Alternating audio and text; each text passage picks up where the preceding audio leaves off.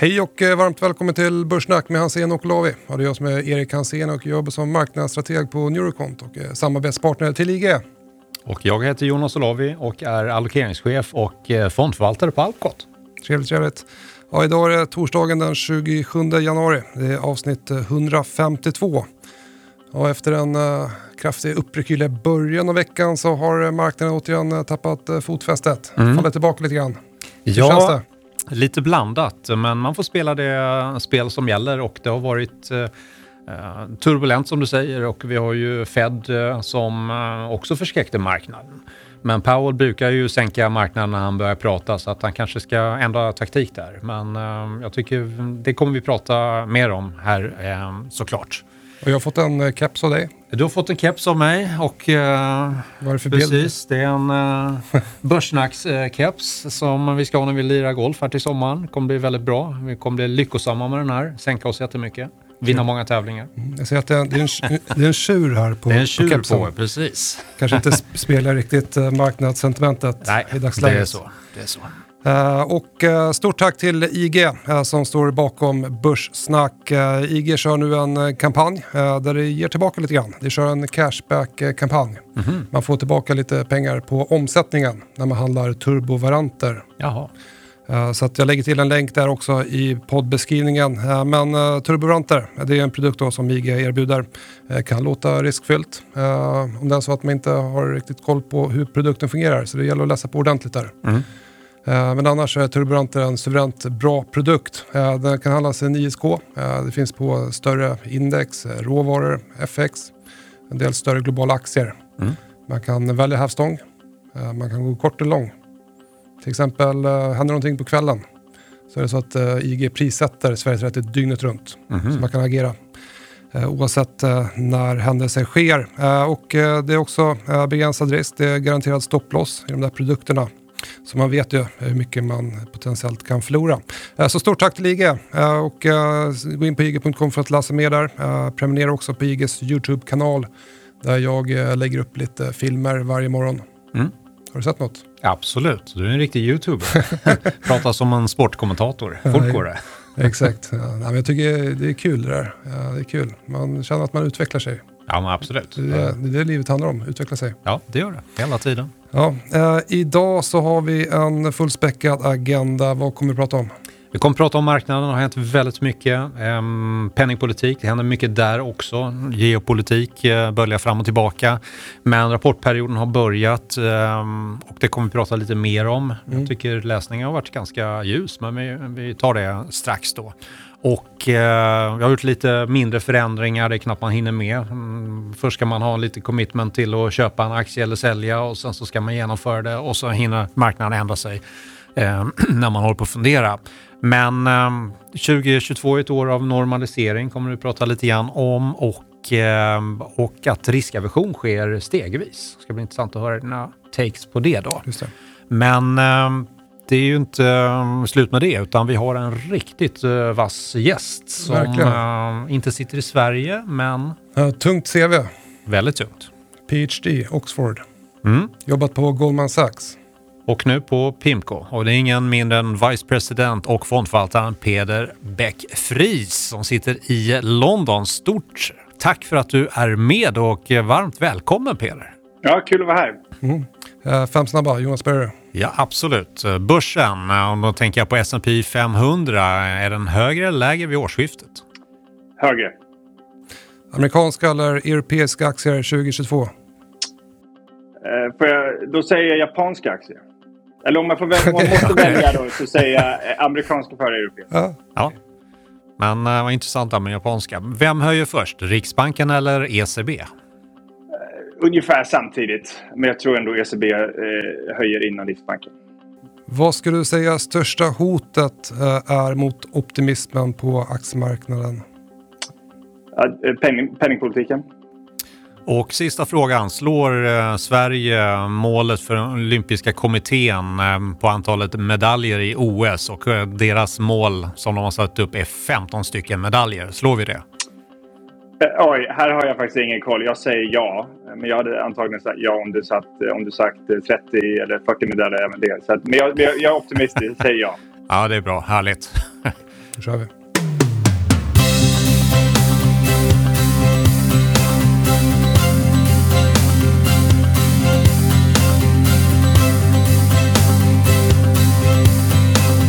Börssnack med Hansen och Olavi. Och innan vi fortsätter samtalet med Peder så tänker jag att vi kan snacka lite börs. Mm, absolut. Lite börs. Fick en liten kort vändning där i början av veckan. Eh, Men nu har börsen återigen fallit tillbaka. Hur känns det att vara long only förvaltare när börsen faller? Det är jobbigt, väldigt jobbigt. Och då gäller det att sprida riskerna, vilket jag gör. Jag har små vikter per bolag. Jag har också mm, ganska stor spridning på eh, olika branscher. Jag har i och för sig då eh, som enskilt största bransch eh, är det halvledare.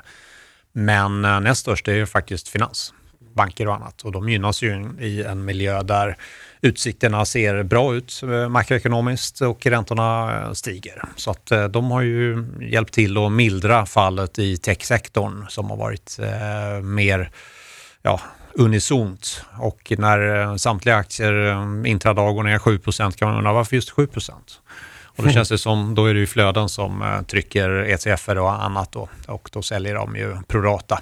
Så då går aktierna ner som de gör också. Det är ingen som kom på att två likadana, liknande bolag ska gå ner just 7 eller vad det nu är för procentsats. Så det har varit ganska jobbiga dagar där, när det har svängt mycket att- över dagen. Du säger att man, marknaden är manipulerad. Nej, inte manipulera, man får ju spela det eh, spelet som, som gäller tycker jag. Ja. Eh, men jag gjorde i alla fall så att jag mm, satt mig ner och funderade. Vad är det som händer? Varför är det så stora... Eh, är det rotationer eller inte då? Eh, jag vet inte. Och det är ju inga nyheter som har kommit till marknaden då. Vi har konflikten i och kring Ukraina. Eh, vi har omikron. Fed som har ändrat takten på um, hur snabbt man vill uh, agera, vilket vi fick bekräftelse på igår. Det kommer gå lite fortare, eh, vilket var helt enligt protokollet. Ja, för det var inte några nyheter direkt sådär. Inga nyheter. Vi har haft negativ gamma i marknaden och när det är negativ gamma i marknaden så blir rörelserna kraftigare. Är det en nedgång så fortsätter nedgången snabbare. Är det uppgång så eh, går det snabbare uppåt. Eh, vi har haft konjunkturstyrkeoro när IMF var ute och sa att eh, det blir inte så stark tillväxt eh, och då drog man ju framförallt ner Kina och eh, USA. Och det har varit värderingsoro. Det tycker jag är ett väldigt klent argument. Värderingen är vad den är. Och tittar vi på förra året så var det ju faktiskt en P-talskontraktion. Vinsterna steg snabbare än börsen.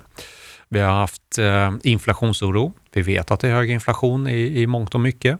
Det är heller inga nyheter. Och ränteoro. Vi förstår att det som centralbankerna gör också har en påverkan på, på räntor. Men sammantaget så blir det en mismatch som gör att eh, placerarna är lite oroliga. Jag vet inte riktigt vilken fot man ska stå på. Är det rätt på förmiddagen så är det fel på eftermiddagen. Och det är en jobbig miljö. Det är slitsamt att, att jobba med placeringar och man ser ju färre och färre glada tillrop på, på Twitter och eh, liksom lite mer sådär stingslig eh, eh, diskussion. Ja, det är jättetråkigt. Det är jättetråkigt när börsen faller och folk förlorar pengar. Mm, det är det. Eh, det är tråkigt. Eh, jag såg något skräckexempel där på Twitter. Någon som hade förlorat en stor del av kapitalinsatsen till sin potentiella bostad. Och då tror jag man blir påmind lite grann om att börsen är riskfylld. Ja, absolut. Och man ska inte ha pengar på börsen som man inte kan förlora. Nej, å andra sidan så låter det lite, lite för... Så säga, man ska nog vara lite exponerad i alla fall. Då. Man, har man nära till ett uh, köpbeslut, till exempel en bostad, så ska man väl ta det lite försiktigt. Ja, men ska man, exakt, ska man ha pengarna i närtid så ska de inte vara på börsen. Nej, exakt. Uh, tycker i alla fall jag. Uh, Nej, men jag, jag, jag tror också att uh, ens syn på, på risk, jag tror det präglar lite grann när man kom in i marknaden. Jag kom Mm. in i marknaden strax innan finanskrisen och, och på ordentligt med smällar. Uh, vilket tror jag har gjort mig ödmjuk för risk. Mm. Har man kommit in i marknaden de senaste åren så kanske man inte riktigt än vet hur man ska se på risk. Nej. Jag kom in uh, precis innan Asienkrisen, så jag, jag har varit med på några smällar nu. Ja. Och det brukar alltid reda upp sig. Det blir sällan så illa som man tror. Och det är ju Mm. den här premien, riskpremien, som vi ska hysta in eh, funktionssättet för aktiemarknaden. Men ibland blir det kor- korrigeringar då. Mm. Eh, Jag eh, pratade lite grann här om eh, på, på Youtube just att riskaversion ofta ste- sker stegvis. Det är inte så att helt plötsligt så, så faller börsen utan ofta så ser man lite signaler lite här och där om man lyssnar noga på, på marknadens budskap. Mm. Vi såg till exempel redan i december att bitcoin gick ner i bearish trend som mitt sätt att liksom definiera trenden på. Eh, sen så gick eh, min indikator risk on risk off ratio ner i negativt territorium eh, i början av januari. Sen gick Nasdaq ner i bearish trend. Nasdaq är också långt ut på, på riskskalan. Då. sen gick S&P 500 och OMXS39 i neutral trend den 18 januari. Sen gick VIX såg tecken på att VIX gick upp i bullish trend, att den började trenda uppåt, eh, vilket sällan är en positiv signal. Mm. Uh, så gick S&P 500 ner i bearish trend den 24 januari, sen OMX, DAX, Stocks ner i bearish trend här 25. När jag pratar om bearish trend så är det en modell som baseras på pris, volym och volatilitet. Jag använder det som ett trendfilter. När vi är i positiv trendar, då brukar det fungera bra att uh, köpa på svaghet, sälja på styrka, man köper på rekyler. Så skalar man av lite grann på, på styrka. Mm. Men när vi kommer ner i negativ trend, ja, då ska man vara försiktig eh, med att uh, köpa på svaghet. Mm. Annan miljö, betydligt mycket högre volatilitet i marknaden och som du nämnde där, nu är det också negativt gamma, eller mm. varit, jag har inte sett här idag. Uh, så att det är uh, volatilt, det är stökigt. Ja, det brukar vara så att hög volatilitet brukar efterföljas av Lägre volatilitet. Lägre volatilitet. Men samtidigt så brukar den komma liksom i ett kluster. Ja. Så det brukar ju vara hög volatilitet en, en period. Mm. En olycka kommer sällan ensam där. Så är det. Uh, så att, uh, ja, man ska vara ödmjuk. Uh, man ska förstå att det är riskfyllt att ha pengar på börsen. Mm. Jag tittade på en liten genomgång som Bloomberg hade gjort. Mm. Um, när räntorna väl börjar höjas, och då är det USA vi pratar om nu, då um, de sektorer som gick bäst efter efter det, eh, tre månader efter då, så var det hälsovård, finans, eh, även faktiskt amerikanska aktier, S&P 500, eh, gick ganska bra efter att eh, räntorna började höjas. Och det ska man bära med sig då. Det här är inte slutet på någonting, utan det är mycket osäkerhet samtidigt, geopolitik och allt möjligt som händer och då blir placerarna mer försiktiga. Och vi hade ett starkt år där många aktier gick väldigt eh, hårt upp och då blir folk mer oförsiktiga. Man ger tillbaka för mycket eh, till marknaden då och tänker kanske inte riktigt efter då. Och då blir det stora fall. Dessutom så börjar ju när volatiliteten under julhelgen, när det är lägre eh, liksom, antal människor som är, eller mm. färre antal människor som, som handlar. Det är lägre volymer helt enkelt. Verkligen. Jag noterar lite grann att ofta så sker en vändning i början av veckan. Måndag eller tisdagar. Mm. Men varför? Vi, vi såg också det här i början på veckan, fick en stark uppgång där i måndags i USA. Eh, stark stängning, eh, visserligen efter lösen. Eh, men, men det skulle lite, det vara lite... att man börjar veckan med lite nya takter? Ja, nu ja. kör vi igen då efter ja, dålig vecka förra veckan. Nu kör vi igen. Det kan vara så att man funderar under helgen vad man ska göra. Lite januarieffekten kanske? kan vara så. Absolut. Fast det har varit en dålig effekt i år då. Det här är ju sämsta starten på, jag vet inte hur länge tillbaka. Ja, det, länge. det brukar definitivt inte vara så här svagt på början på året. Nej. Definitivt inte. Och tittar jag på, liksom, om estimaten på vinsterna håller nu mm. så finns det uppgångspotential på mellan 5 och 10 procent på globala aktier.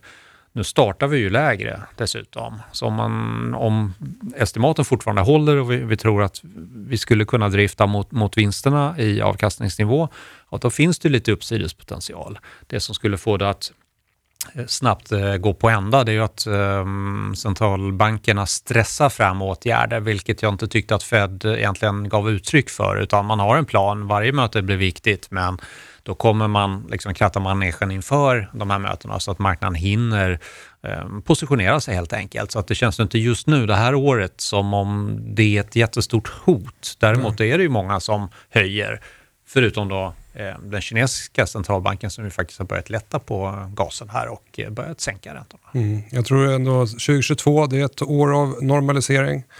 Eh, tillväxten ska normaliseras och inflationen ska normaliseras här under 2022. Mm. Det är också ett midterm year. Mm.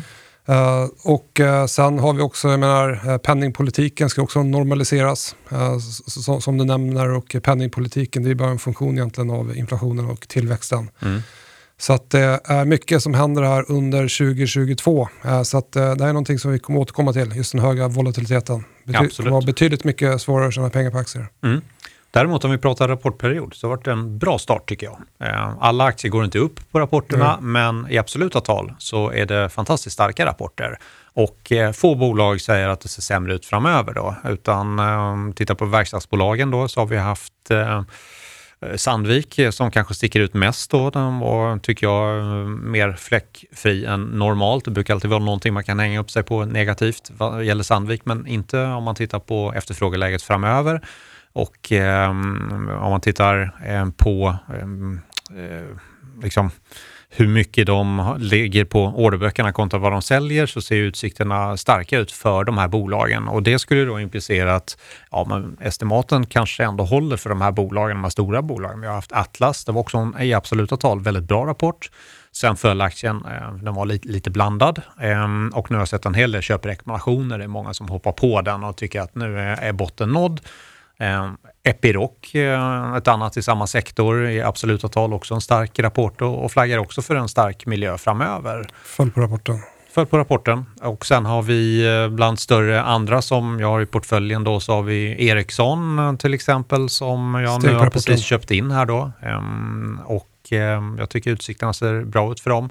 Och jag tyckte att den har hållit emot bra i turbulensen också, så det känns som en lite mer lågvolla aktie just nu. Och sen har jag en av mina stora amerikanska och aktier och en av de största positionerna, Microsoft, som kom med en riktigt bra rapport där.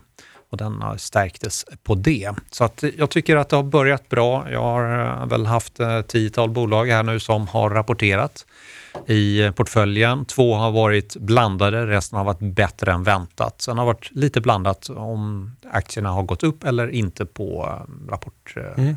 Mm. Nästa vecka kommer jag återkomma med lite rapportreaktioner. Jag kommer, brukar sammanställa det där under rapportperioderna. Uh, men hittills har inte kommit in så många, det har varit så stökigt på marknaden så att jag inte sett något värde i att sammanställa uh, de reaktionerna ändå. Men nästa vecka så får vi köra dem. Mm. Du har tittat lite grann på equity rank mellan uh, Sverige och USA. Ja, uh, kolla lite grann på det. Jag har en multifaktormodell där som kikar på det är vinster, det är lönsamhet, det är värdering, risk och momentum. Eh, momentum, det är relativ styrka och så lite säsongsmönster. Eh, och det man kan se här om man kollar på OMX, eh, Sverige, det är, det är Polia, det är Kabe, Ework, det är SSAB, det är B-Group, NCC, Skanska, Björn Borg, Handelsbanken, Byggmax, Peab Investor. Det är inte så mycket techbolag. Det är, mycket, det är flera bolag här som gynnas av de eh, stigande räntorna. Och det är en funktion av att eh, de här eh, bolagen har då visat god relativ styrka här senaste tiden. Och det är då bolag som jag gärna kikar lite extra på. Bolag som står emot. Mm. Som är starka när mm. det faller. Mm. Det är ofta de som fortsätter visa god styrka sen när det vänder. Och kollar på USA, samma sak där. Det finns inte så mycket techbolag på den listan. Det är mycket energi, eh, det är mycket eh, basmaterial. Även för Sverige, till exempel SSAB, eh, tycker jag har sett intressant ut. Så det finns ändå en del bolag för stockpickers. Jag har ju fortsatt nettolång i marknaden. Som privatperson, de har lite mer utrymme att, att agera och jobba med portföljen som förvaltare. Mm. Hur mycket... Um, så jag är tacksam för det. hur många positioner tar du normalt sett? Samtidigt? Ja, jag har många positioner i portföljen. Uh, så att, uh, och där skalar in och skalar ur. Jag är inne och petar lite grann varje dag. Mm. Men jag har ju minskat exponeringen överlag mm. sen julrallyt. Mm. så att jag har klarat mig hyfsat bra ändå. men jag har förlorat pengar. Jag har legat nettolång i marknaden. Jag ligger nästan alltid nettolång i marknaden. Mm. Eftersom marknaden har en tendens att trenda uppåt. Det finns en drift uppåt på börsen. Så är det. det är vanskligt att försöka gå mot marknaden ständigt. Då. Mm. Uh, men uh, ja, men vi kommer återkomma till det. Uh, har vi någonting mer idag att dra innan vi kör samtalet med Peder? Eller? Nej, jag tror inte det. Utan jag tycker vi um, ropar in Peder till avräkning. Det får väldigt spännande att lyssna på hans insikter som där han då sitter på en av världens största förvaltare. Precis, lite tillväxt och inflation och annat. Ja. Då kör vi. Då kör vi.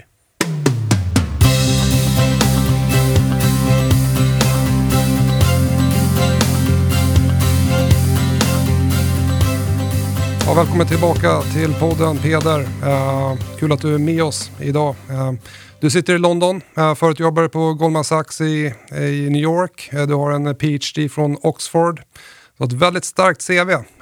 Kan du inte berätta lite om dig själv? Ja, okej. Okay. Så Peder Bäckfries, eh, född och uppvuxen i, i Stockholm men har väl tillbringat egentligen hela mitt eh, vuxna liv då utomlands. Eh, jobbar då främst inom eh, makroekonomi.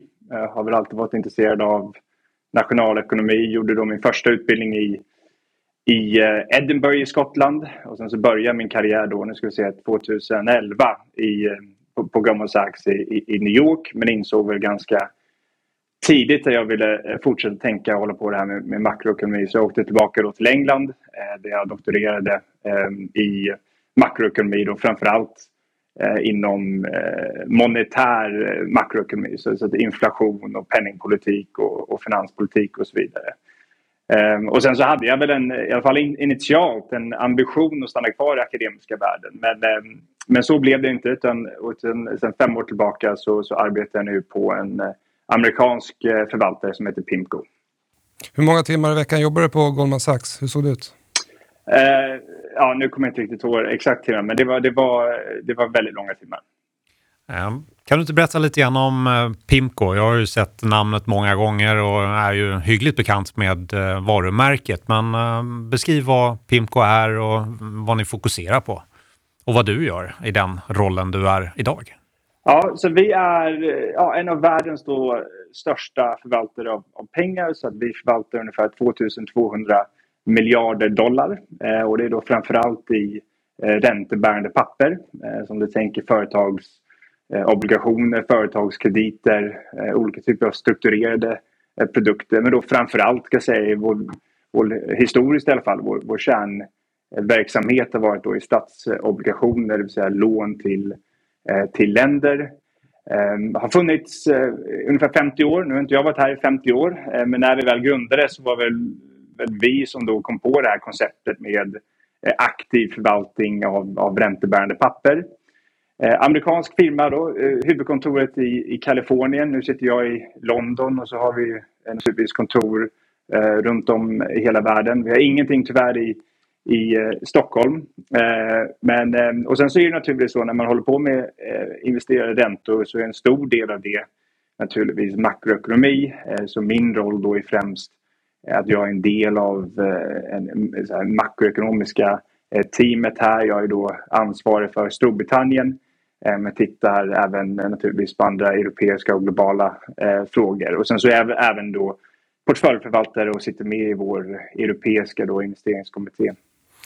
Och eh, du arbetar då med att identifiera makrotrender. Kan du inte berätta lite kort om hur din process, ditt framework eh, ser ut? Uh, hur du helt enkelt uh, ser på, på marknaden och världen?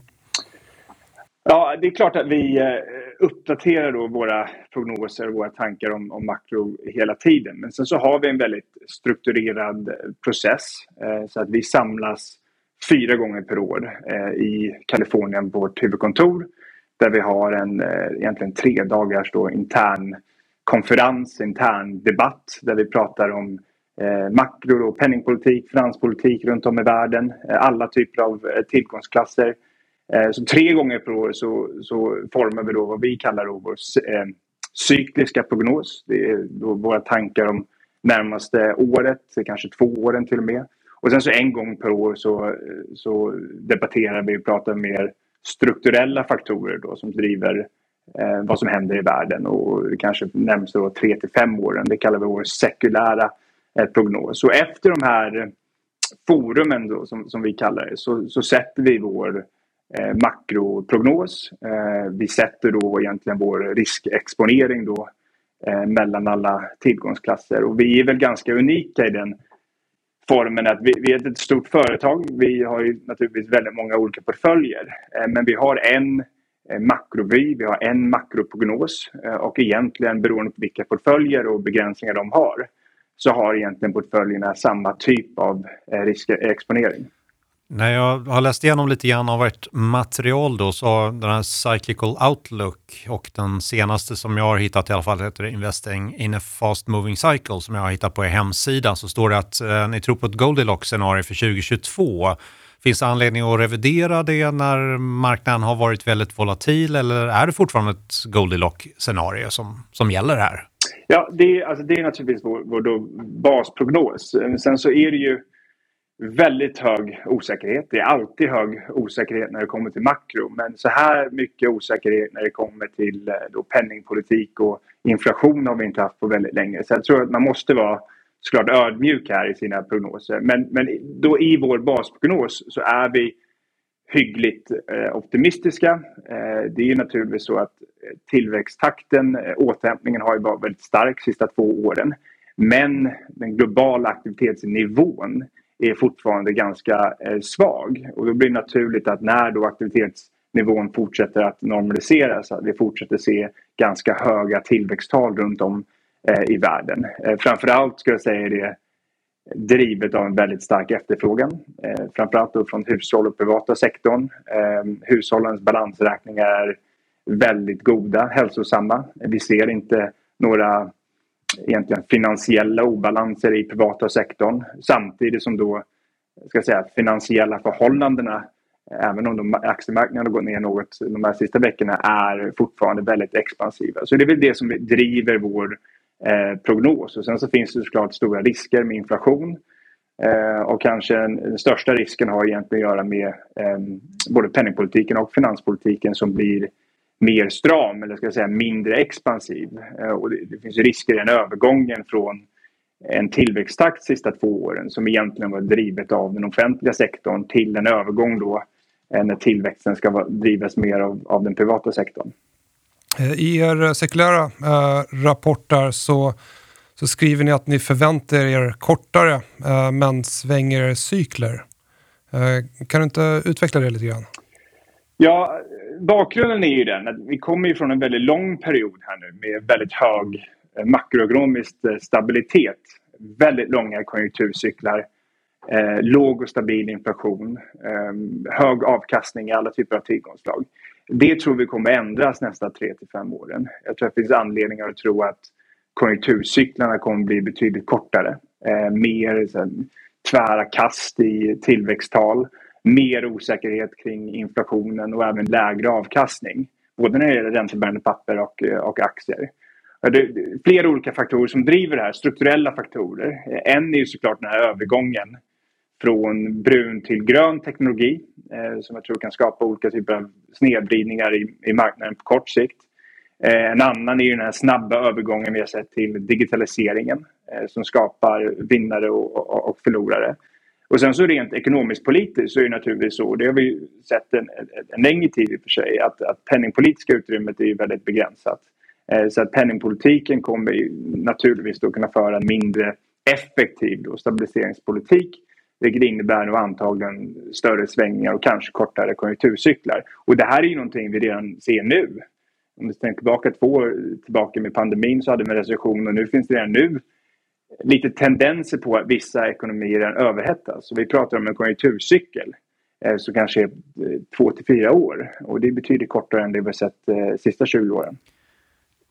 Jag tänker på den här strukturellt högre tillväxten ehm, kan jag ibland ha lite svårt att köpa. Ehm, vad är det för drivkrafter som egentligen skapar en nivå på tillväxten som är högre än vad vi hade innan pandemin? Jag tänker att det, liksom, vi har alla de jackor vi behöver. Liksom, vi är mätta på konsumtion det har varit högkonjunktur om man så säger ganska länge. Ehm, så det finns inget egentligt uppdämt köpbehov. Nu är det ju störningar på grund av pandemin som har liksom skapat fickor av högre och lägre tillväxt. Det är väldigt sådär om vartannat. Men, men just den här strukturellt högre tillväxten, om vi tittar 2022 och kommande kanske ett par, tre åren, eh, Tror du tror att det finns kraft där. Och då ska jag kasta in också där att mm, IMF sänkte ju nyligen prognosen där de då tog bort eh, eh, Bidens ja, strukturprogram då i och med att han fick på tafsen i senaten. Och därmed så sänkte de den amerikanska eh, tillväxtprognosen. Är det no liksom, ser du ändå att det finns utrymme för en strukturellt högre tillväxt? det är väl två olika faktorer här. Så ett så, eh, när vi pratar tillväxt så är det naturligtvis så att den, den kan vara hög, högre än tillväxt, eh, trendtillväxten då på grund av cykliska faktorer. Så det är naturligt att vi ser fortfarande ganska hög tillväxttakt närmsta året och även eh, kanske då 2023. När det kommer till trendtillväxten så är det naturligtvis så att den har ju fallit strukturellt egentligen de sista 40 åren och eh, en stor del till det har att göra med att arbetskraften har eh, har ökat mindre snabbt så att säga. Men, men, men framförallt så har det varit att produktivitetsutvecklingen runt om i världen har varit väldigt låg. Och det finns ju väldigt stora frågor kring varför. Det kan vi gå in på också. Eh, och, men, men det tror vi inte kommer ändras, eh, i alla fall vår basprognos närmsta fem åren. Det finns ju kanske anledning att tro att produktivitetsutvecklingen kommer att öka. Om du tänker på allt, eh, att arbeta hemifrån, ar, eh, använda mindre fastigheter för att eh, arbeta och så vidare. Så, eh, så har vi till exempel USA, eh, inte i Europa, men i USA har i alla fall sett en ökning av produktiviteten sedan början av pandemin.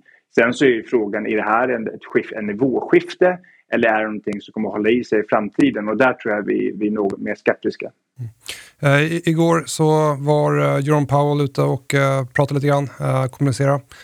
Eh, de eh, som du nämnde där eh, behöver strama åt eftersom det finns tendenser till överhettning i USA. Hur många räntehöjningar tror du att de kommer att hinna med här under 2022? Ja, nu, nu var det ju möte igår och jag tror inte vi fick så mycket mer ny information. Det är såklart väldigt hög osäkerhet. Eh, han kunde, Powell svara till exempel inte på frågor kring om man ska höja med 50 baspunkter eller inte. Men, men, men, men det här är ju inte någon ny information. Eh, jag tror vi lever nu en tid där varje möte så finns det möjlighet eh, att strama åt penningpolitiken mot, mot innan pandemin där allting var väldigt eh, ska förklarat långt innan då eh, mötena. Men, så, så, vi tror att de, de sätter igång i mars och, och höjer eh, en gång varje kvartal och så fyra eh, höjningar det här året. Det ligger väl något i linje med marknaden som nu prissätter fem höjningar såg jag nu eh, i Eh, i morse. Sen tror jag stora frågan med, med Fed och nästan alla andra eh, centralbanker är ju hur högt de kan höja. Eh, och eh, förra cykeln så kom de till 2,5 procent. Eh, men då redan innan pandemin så var de tvungna att sänka eh, några gånger. Och, sen så om du tittar då rent historiskt. Alla cykliska toppar av eh, styrräntan i USA har varit lägre och lägre. Mycket på grund av strukturella faktorer såklart. Och där tror vi inte att, att Fed, i alla fall i vår basprognos, kommer nå 2,5 procent igen. Och mycket på grund av, som, som ekonomer kallar det här, finansiell dominans. Den här idén att eh, det kanske är så att aktier och riskfyllda tillgångar är lite mer känsliga för räntehöjningar idag än vad det var eh, tidigare. Och nu prissätter, ska jag säga, eh, prissätter då marknaden att, att eh, centralbanken centralbankens ränta går till 1,75. Det tycker jag låter ganska rimligt. Sen så om det blir 2, 1,5 eh, är väldigt svårt att svara på. Men, vi tror att terminal räntan så att säga är något lägre än vad den var innan pandemin. Det här eh, med att de då också ska eh, minska balansräkningen förmodligen från sommaren då. Eh, det känns ju som det här, det här tidsspannet förkortades ju enormt jämfört med förra gången det var eh, liksom samma åtgärder. Ser du risker i det att de finansiella förhållanden snabbt eh, snöps åt i en sån eh, miljö som vi såg eh, förra gången vi eh, gick igenom från Q1 till QT? Eh, är det risker som ni mm, tittar på i dagsläget? Ja, det är klart. Vi tittar på det. Nu tror jag att eh, både Fed och de andra stora centralbankerna kommer då framförallt använda styrräntan för att strama åt. Eh, och Fed eh, tror jag framförallt kommer använda en passiv eh, minskning av sin balansräkning. Det vill säga att de slutar återinvestera förfallen av obligationer på sin balansräkning. Och, och det är klart att det finns risker med det. Eh, men samtidigt finns det ju såklart väldigt mycket likviditet i systemet. Ehm, om, om man jämför med eh, centralbanken här i England till exempel så har ju de i alla fall indikerat på att för att minska sin balansräkning att de till och med ska fundera på att sälja obligationer, inte bara eh, sluta återinvestera för fall. Eh, och eh, det kanske har större effekt på marknaden men jag tror att det absolut viktigaste för marknaden är nog vad räntan är istället för vad storleken på deras balansräkningar. Mm. Ni bedömer att inflationen eh, faller tillbaka under första kvartalet för att eh, sen hamna strax över centralbankernas målnivåer under slutet på året. Eh, vad talar egentligen för och eh, emot det här scenariot? Ja, eh, om vi börjar med då, som, som ni vet och alla lyssnare vet att inflationen runt om i världen har blivit mer ut, utbredd så att, så att den sprider sig mellan länder, spridit sig till många olika produkter och sektorer. Det är till och med så att lönetrycket har börjat öka också. Vi tror då i grunden och botten att det, att, att det är tre olika faktorer som har drivit det här. Och sen så kan man ju debattera vilken vikt man ska eh, sätta i varje faktor. Då. Men eh, faktor ett är ju att det har varit en väldigt snabb ändring i relativ eh, efterfrågan. Konsumtionsmönster har ju ändrat sig väldigt snabbt. Vi har alla slutat köpa tjänster och köper mer varor. Och med tanke på varupriser är mer flexibla än en tjänstesektor så har det inneburit då att inflationen har ökat.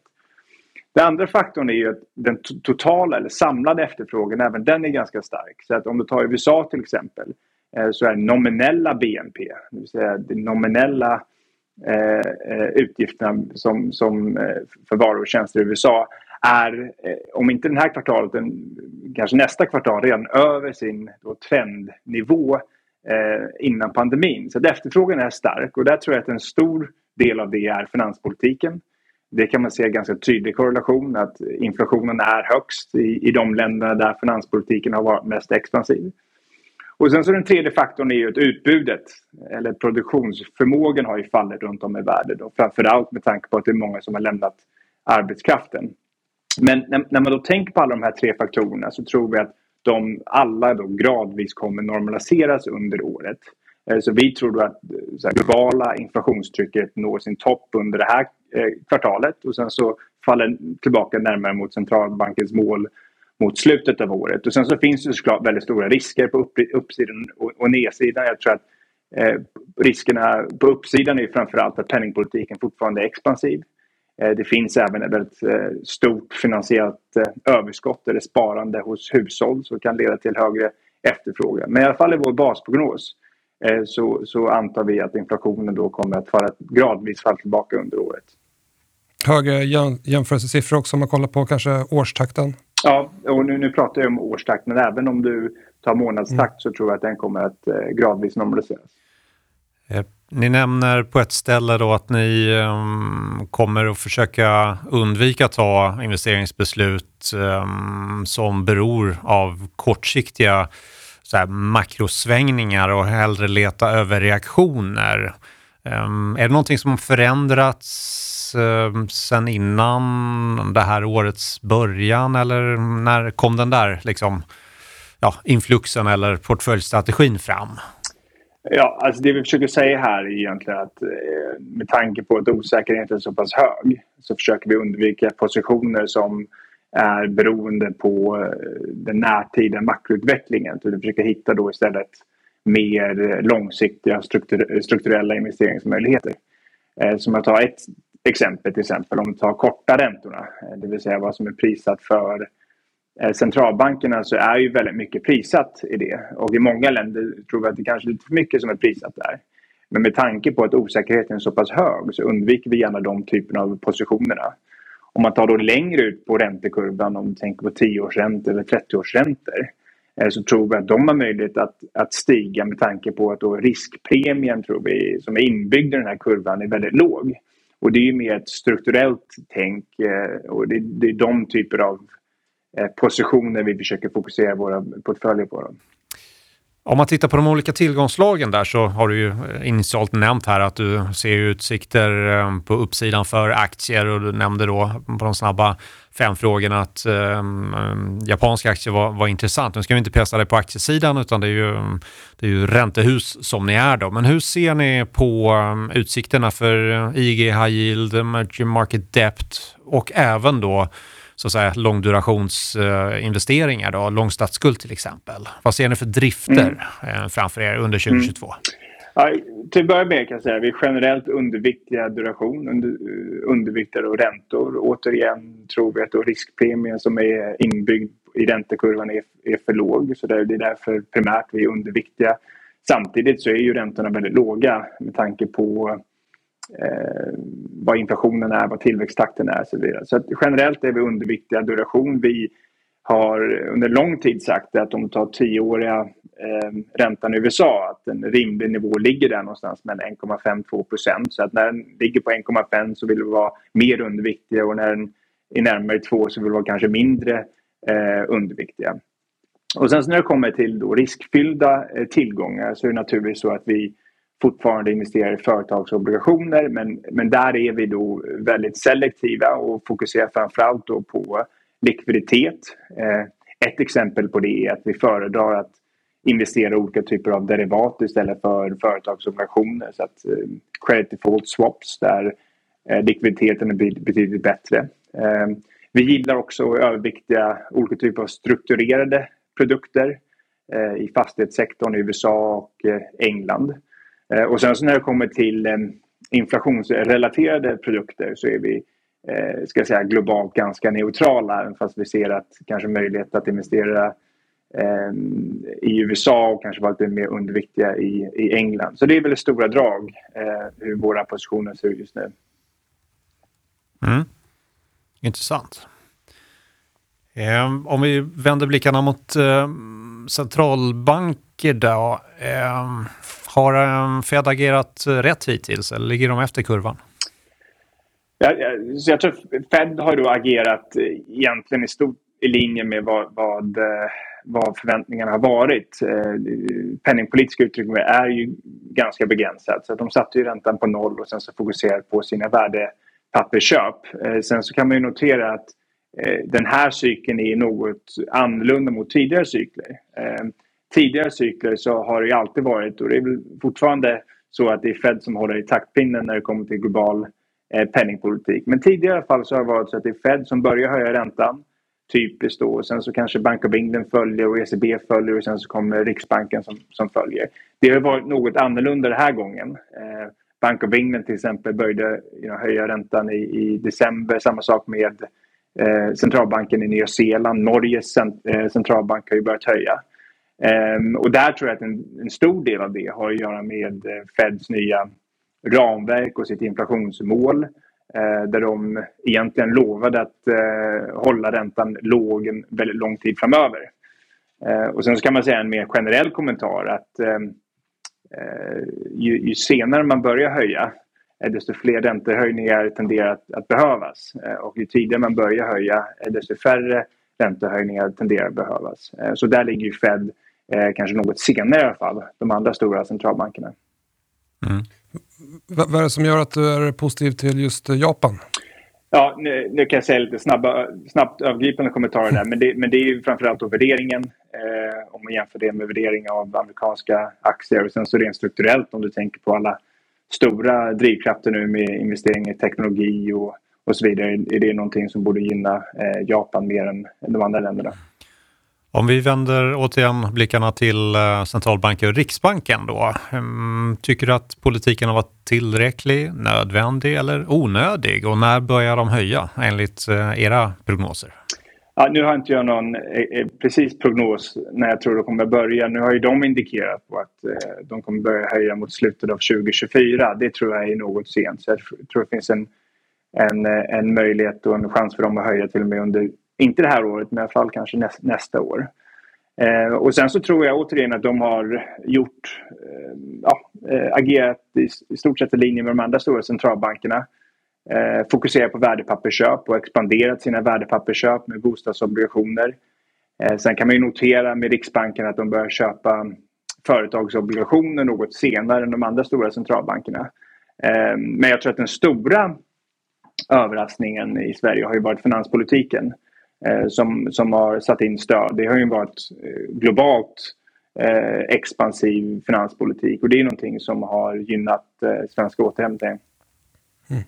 Och, och, Riksbanken sitter väl lite grann i knät på, på ECB. Har du några reflektioner på just ECB e och deras policyrespons? Ja, det är väl eh, no, ganska likartat eh, till då Riksbanken. Mm. de hade väl kanske lite knakig start när eh, president Lagarde sa att eh, we're not here to close spreads. Men sen så har de ju eh, eh, tagit igen det, eh, så att säga. Men återigen, stora överraskningen i Europa har varit finanspolitiken och framförallt då i euroområdet. Där eh, både de nationella då, finansdepartementen har satt in stöd. Eh, men också att man har fått då finanspolitiskt stöd över gränserna.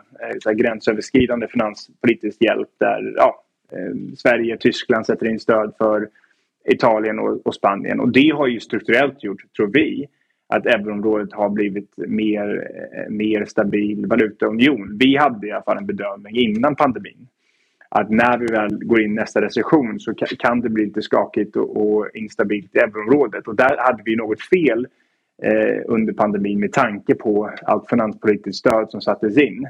Sen så finns det naturligtvis eh, strukturella problem i euroområdet. Det är ju långt ifrån en optimal valutaunion och sen när man håller på och investerar i räntebärande papper så är man alltid lite orolig med politiska risker i Italien till exempel. Eh, men eh, jag tror att policyresponsen här har ju varit någonting som jag tror har gjort euroområdet något mer stabilt. I alla fall relativt till våra tidigare förväntningar. En eh, liten fråga vid sidan om där då. Boris Johnson har ju haft eh, allt tuffare här och eh, ehm, aktiemarknaden eh, i Storbritannien har inte varit en av de mest framträdande. Nu såg jag att efter hans senaste mer eller mindre nederlag, eh, när festerna ältas i, i media, så har marknaden börjat stärkas. Och jag som allokerare tittar ju på eh, brittiska aktier som en sektor som är totalt underägd. Ser du att det skulle kunna finnas en comeback-chans ehm, för eh, brittiska aktier relativt andra europeiska marknader under det här året? Eller får man blicka ännu längre framåt innan det börjar ta sig och normalisera så att säga? Det är väldigt stor osäkerhet här kring det politiska läget i, i England. Vi får se här nu närmaste dagarna när den här rapporten kommer ut som, som klargör vad, vad som har hänt. Eh, nu tror vi att, att det, jag tror att han, kom, han kommer överleva det här fram, fram till, eh, till maj eller till sommaren. Eh, men oavsett det så tror vi att eh, eh här, eh, implikationerna för investeringar är väldigt små av det här. Det är möjligt att om vi får en ny premiärminister som till exempel då den här Rishi Sunak som är finansministern att finanspolitiken blir något mer stram. Men de här är ganska små förändringar relativt till ska säga, de stora drivkrafterna av, av marknaden nu när du tänker på inflation, penningpolitik och, och covid. Just det, intressant. Ska vi ta några avslutande frågor? Yep. Ja. Uh, vad är roligast med ditt arbete? Berätta. Oj, det jag tror att om man är intresserad av makroekonomi så är Pimco en, en fantastisk plats att arbeta på. Det, man sitter ju mitt i smeten här, eh, vad som händer runt om i världen. Eh, och, eh, men det roligaste är ju tror jag att man, man arbetar med väldigt, väldigt skarpa människor eh, och utvecklas eh, varje dag. Vad gör du för att varva ner då? För jag antar att det kan vara rätt högt tempo ibland och särskilt när man sitter och skriver rapporter och sådär. Men hur kopplar en Peder av? Ja, jag, är, jag är en sportfantast. Alltså. Jag, eh, det, är, det är min meditation. Då. Just nu håller jag på mycket med squash och tennis och, och, och fotboll. Och sen så Eh, spelar också väldigt mycket schack eh, på mobilen. Eh, men det är väl mer ett beroende än något annat. Jag tror jag spelat i 15 år och inte blivit bättre. Så det är nog mer beroende än, än något annat. Eh, är, är padel lika poppis i London som i Stockholm? Eller? Tyvärr inte. Eh, tyvärr inte. Det finns lite banor. Jag, jag gillar ju padel väldigt mycket. Men det, men det har liksom inte tagit fart här i, i England på samma sätt som i Sverige. Du, du kanske ska investera i lite padelhallar i London? ja, Ja, vi, ska, vi får ta den diskussionen sen. Ja. Eh, bästa bok inom eh, finans? Eller det kan vara ett annat område också. Ett litet eh, boktips. Oj, nu, nu måste vi ärlig, jag läser inte så många finansböcker. Utan jag, som makroekonom så, så tror jag väl fundament, fundamentalt att marknaden till slut är driven av makroekonomiska eh, förändringar. Så jag läser väldigt många makroekonomiska böcker och där tror jag att det är viktigt att ehm, läsa eh, flera olika typer. Det finns ju inte bara en skola utan eh, hundra olika skolor i makroekonomi. Så jag tror att det är viktigt att läsa flera olika böcker. Men, just en kan jag nog inte rekommendera. Um, om jag avslutar med, hur kan man följa dig och uh, Pimco om man är intresserad? Ni är ett globalt uh, powerhouse på, på räntor och du är ju synlig. Uh, kan man följa dig på sociala medier? vilka hemsidor ska man in och titta på och så vidare? Ja, det är på vår hemsida då, Pimco, där jag och mina kollegor är aktiva och skriver olika typer av bloggar och inlägg om vad som händer i världen och hur vi tänker på investeringar och så vidare. Så det är framförallt då på vår hemsida. Mm. Kanon. Peder, stort tack för att du tog dig tid att vara med i Börssnack och lycka till framöver. Tack, kul att vara här. Stort tack, lycka till.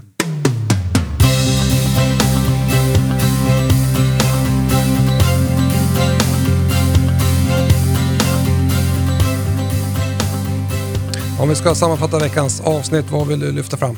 Ja, vi verkar båda vara lite bekymrade över den höga volatiliteten volatiliteten, men det är inte mycket som har hänt utan det är ju samverkan av flera faktorer som har gjort att eh, marknaden beter sig mer stressat än normalt. Men efter hög volatilitet så brukar det komma låg volatilitet. Men jag tyckte det framförallt var väldigt intressant att uh, lyssna på Pimcos uh, Vice President um, Peder Bäck-Fries som mm. uh, frikostigt delar med sig av sina egna och den här förvaltaren Pimcos um, tankar. Vad, mm. vad, tog du med dig från samtalet? Nej, men jag tyckte det var intressant att höra lite grann hur han ser på marknaden och hur de jobbar, vad de har för typ av process. Eh, deras process är att uh, fyra gånger per år uh, så ses de i California där de kör en, uh, en träff där de pratar både om de cykliska trenderna och även de strukturella. Så sätter de deras makroprognos. Mm.